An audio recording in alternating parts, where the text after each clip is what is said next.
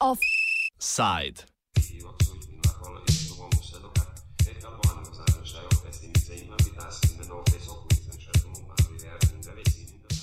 Četrtki za koeficient.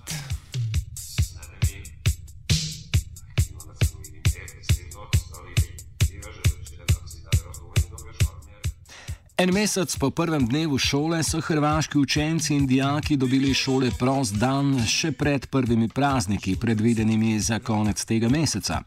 Razlog za to nepričakovano darilo ni podnebni, pač pa učiteljski štrajk. Polako tone v ne, jer samo plavi.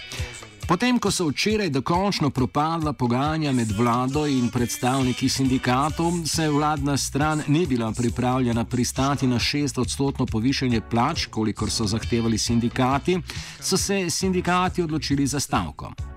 Sanja Šprem in Branimir eh, Mihalinec, eh, predsednika sindikata hrvaških učiteljev oziroma neodvisnega sindikata zaposlenih v srednjih šolah, sta ponudbo vlade o postopnem zvišanju za 4 odstotke označila za nesprejemljivo.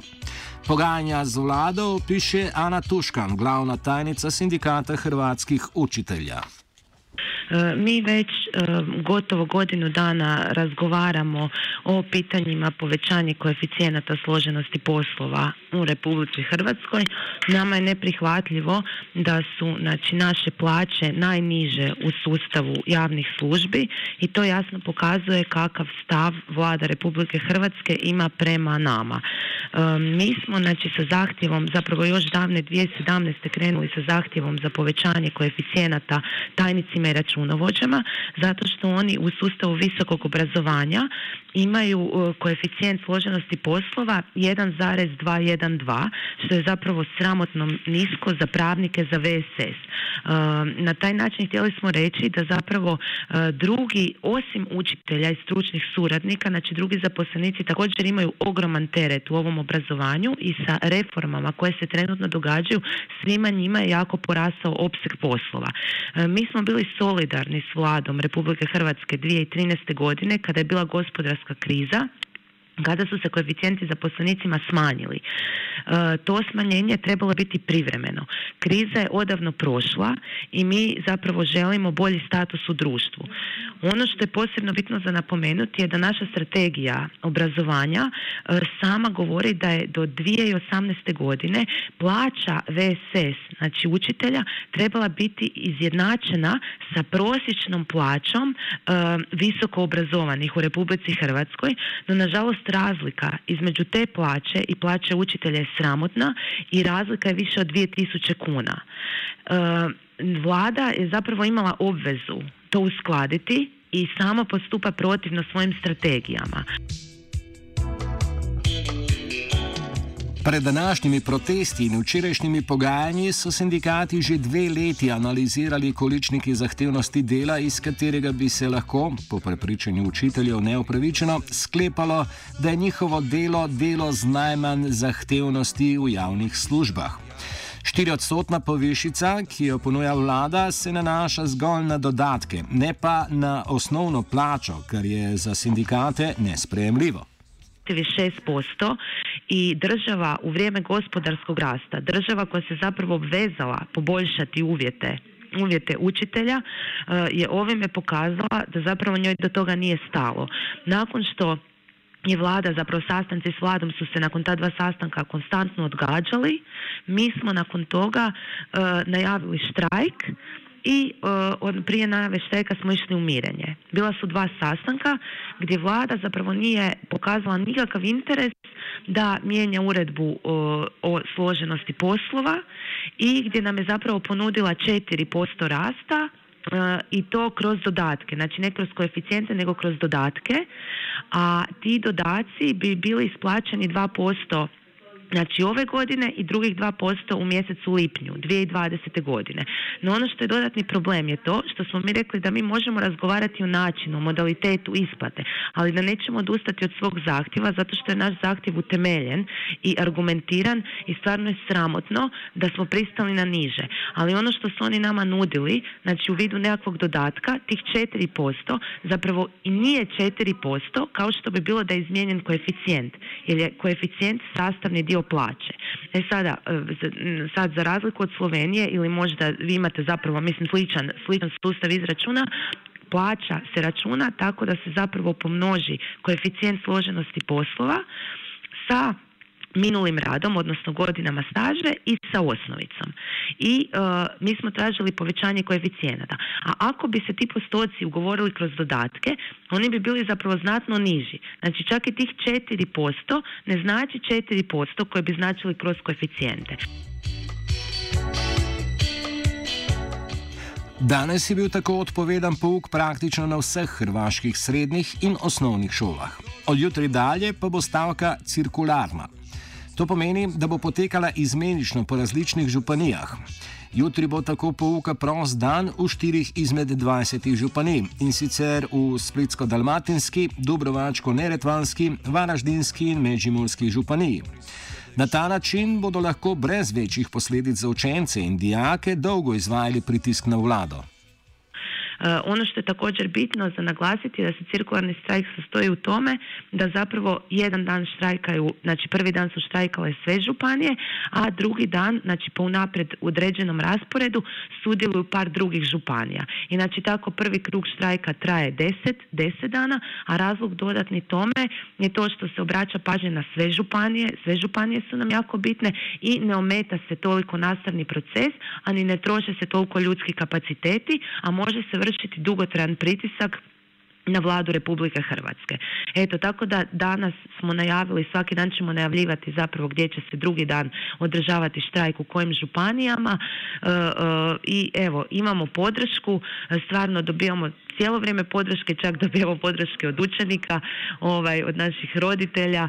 I evo, mi smo za sada zapravo zadovoljni kako tijek ide, zato što smo zadovoljni što su ljudi napokon svi zajedno stali jedni uz druge, znači svi zaposlenici, ali naš zahtjev ide prema svim zaposlenicima, znači od spremačice do mara, kuhara, znači do stručnog suradnika, učitelja, tajnika, računovođe. E, mi e, želimo da cijeli sustav funkcionira zato što volimo uvijek reći u školama da smo mi u školi jedan jedinstveni organizam i ako je jedan organ bolestan, znači cijeli sustav šteka. Znači nama su svi bitni i evo ovaj štrajk upravo pokazuje da su ljudi, da ljudima dosta i da su spremni boriti se za svoja prava do ispunjenja zahtjeva. Odzivi iz vlade na napoved stavke. Pardon, odzivi iz vlade na napoved stavke so bili zelo ostri. Premijer Andrej Plenković je stavko označil za absurdno. Ministrica za izobraževanje Blaženka Divjak je dejala, da ni razočarana, pač pa jezna nad neuspehom pogajanj. Ministr za finance Zdravko Marič pa je hladno dodal, da bodo plače pač zvišene v skladu z možnostmi. Tuškam pravi, da bodo protesti trajali do izpolnitve pogojev. Mi nemamo uopće predođbu koliko bi to moglo trajati. Mi još uvijek očekujemo da se znači, e, vlada i neko iz vlade da se javi i da zapravo razmisli o tome e, što čine i što, što zapravo se događa, događa loše ukoliko oni ne pokažu koliko im je obrazovanje bitno. Mi smo spremni štrajkati do ispunjenja zahtjeva, što znači da jedan krug cirkularnog štrajka zapravo traje 10 dana. E sada, koliko ćemo mi krugova imati, to ovisi o tome e, kad će se naši zahtjevi ispuniti. Doista, evo, ovoga puta dobijamo podršku i stvarno mislim da su zaposlenici spremni ustrajati na ispunjenju svojih zahtjeva jer e, stvarno su poniženi, struka je na groznom, na groznom nivou, e, evo slobodno mogu reći da nikad nije bilo gore, znači koeficijenti su manji nego što su bili dvije i 12. godine Mislim, to je stvarno nedopustivo. Opseg posla je povećan, pritisci su veći, mišljenje javnosti i opće percepcija učitelja je na puno manjoj razini nego prije i mi zapravo ovim želimo pokazati da mi vrijedimo više i da mi zaslužujemo više. I upravo zbog toga naši članovi će zapravo vidjeti i odlučiti koliko će to trajati, ali evo, e, mi se doista nadamo da će vlada ubrzo pokazati da je ipak obrazovanje bitno i ako ne, ako ne najbitnije u, u sustavu. Področje izobraževanja je na Hrvaškem še bolj kot drugot polje ideološkega boja. Obljubljena reforma šolstva, ki je uvajala progresivnejše vrednote, a hkrati tudi prilagojena zahtevam trga, je bila strani konzervativne HDZ zavrnjena. Nov veter v jadra pa ji je dala pra, pr, prva konzervativno-liberalna koalicija, ko je Hrvaška narodna stranka, liberalni demokrati, krajše HNS, rešila Plenkoviča pred nezaupnico leta 2017.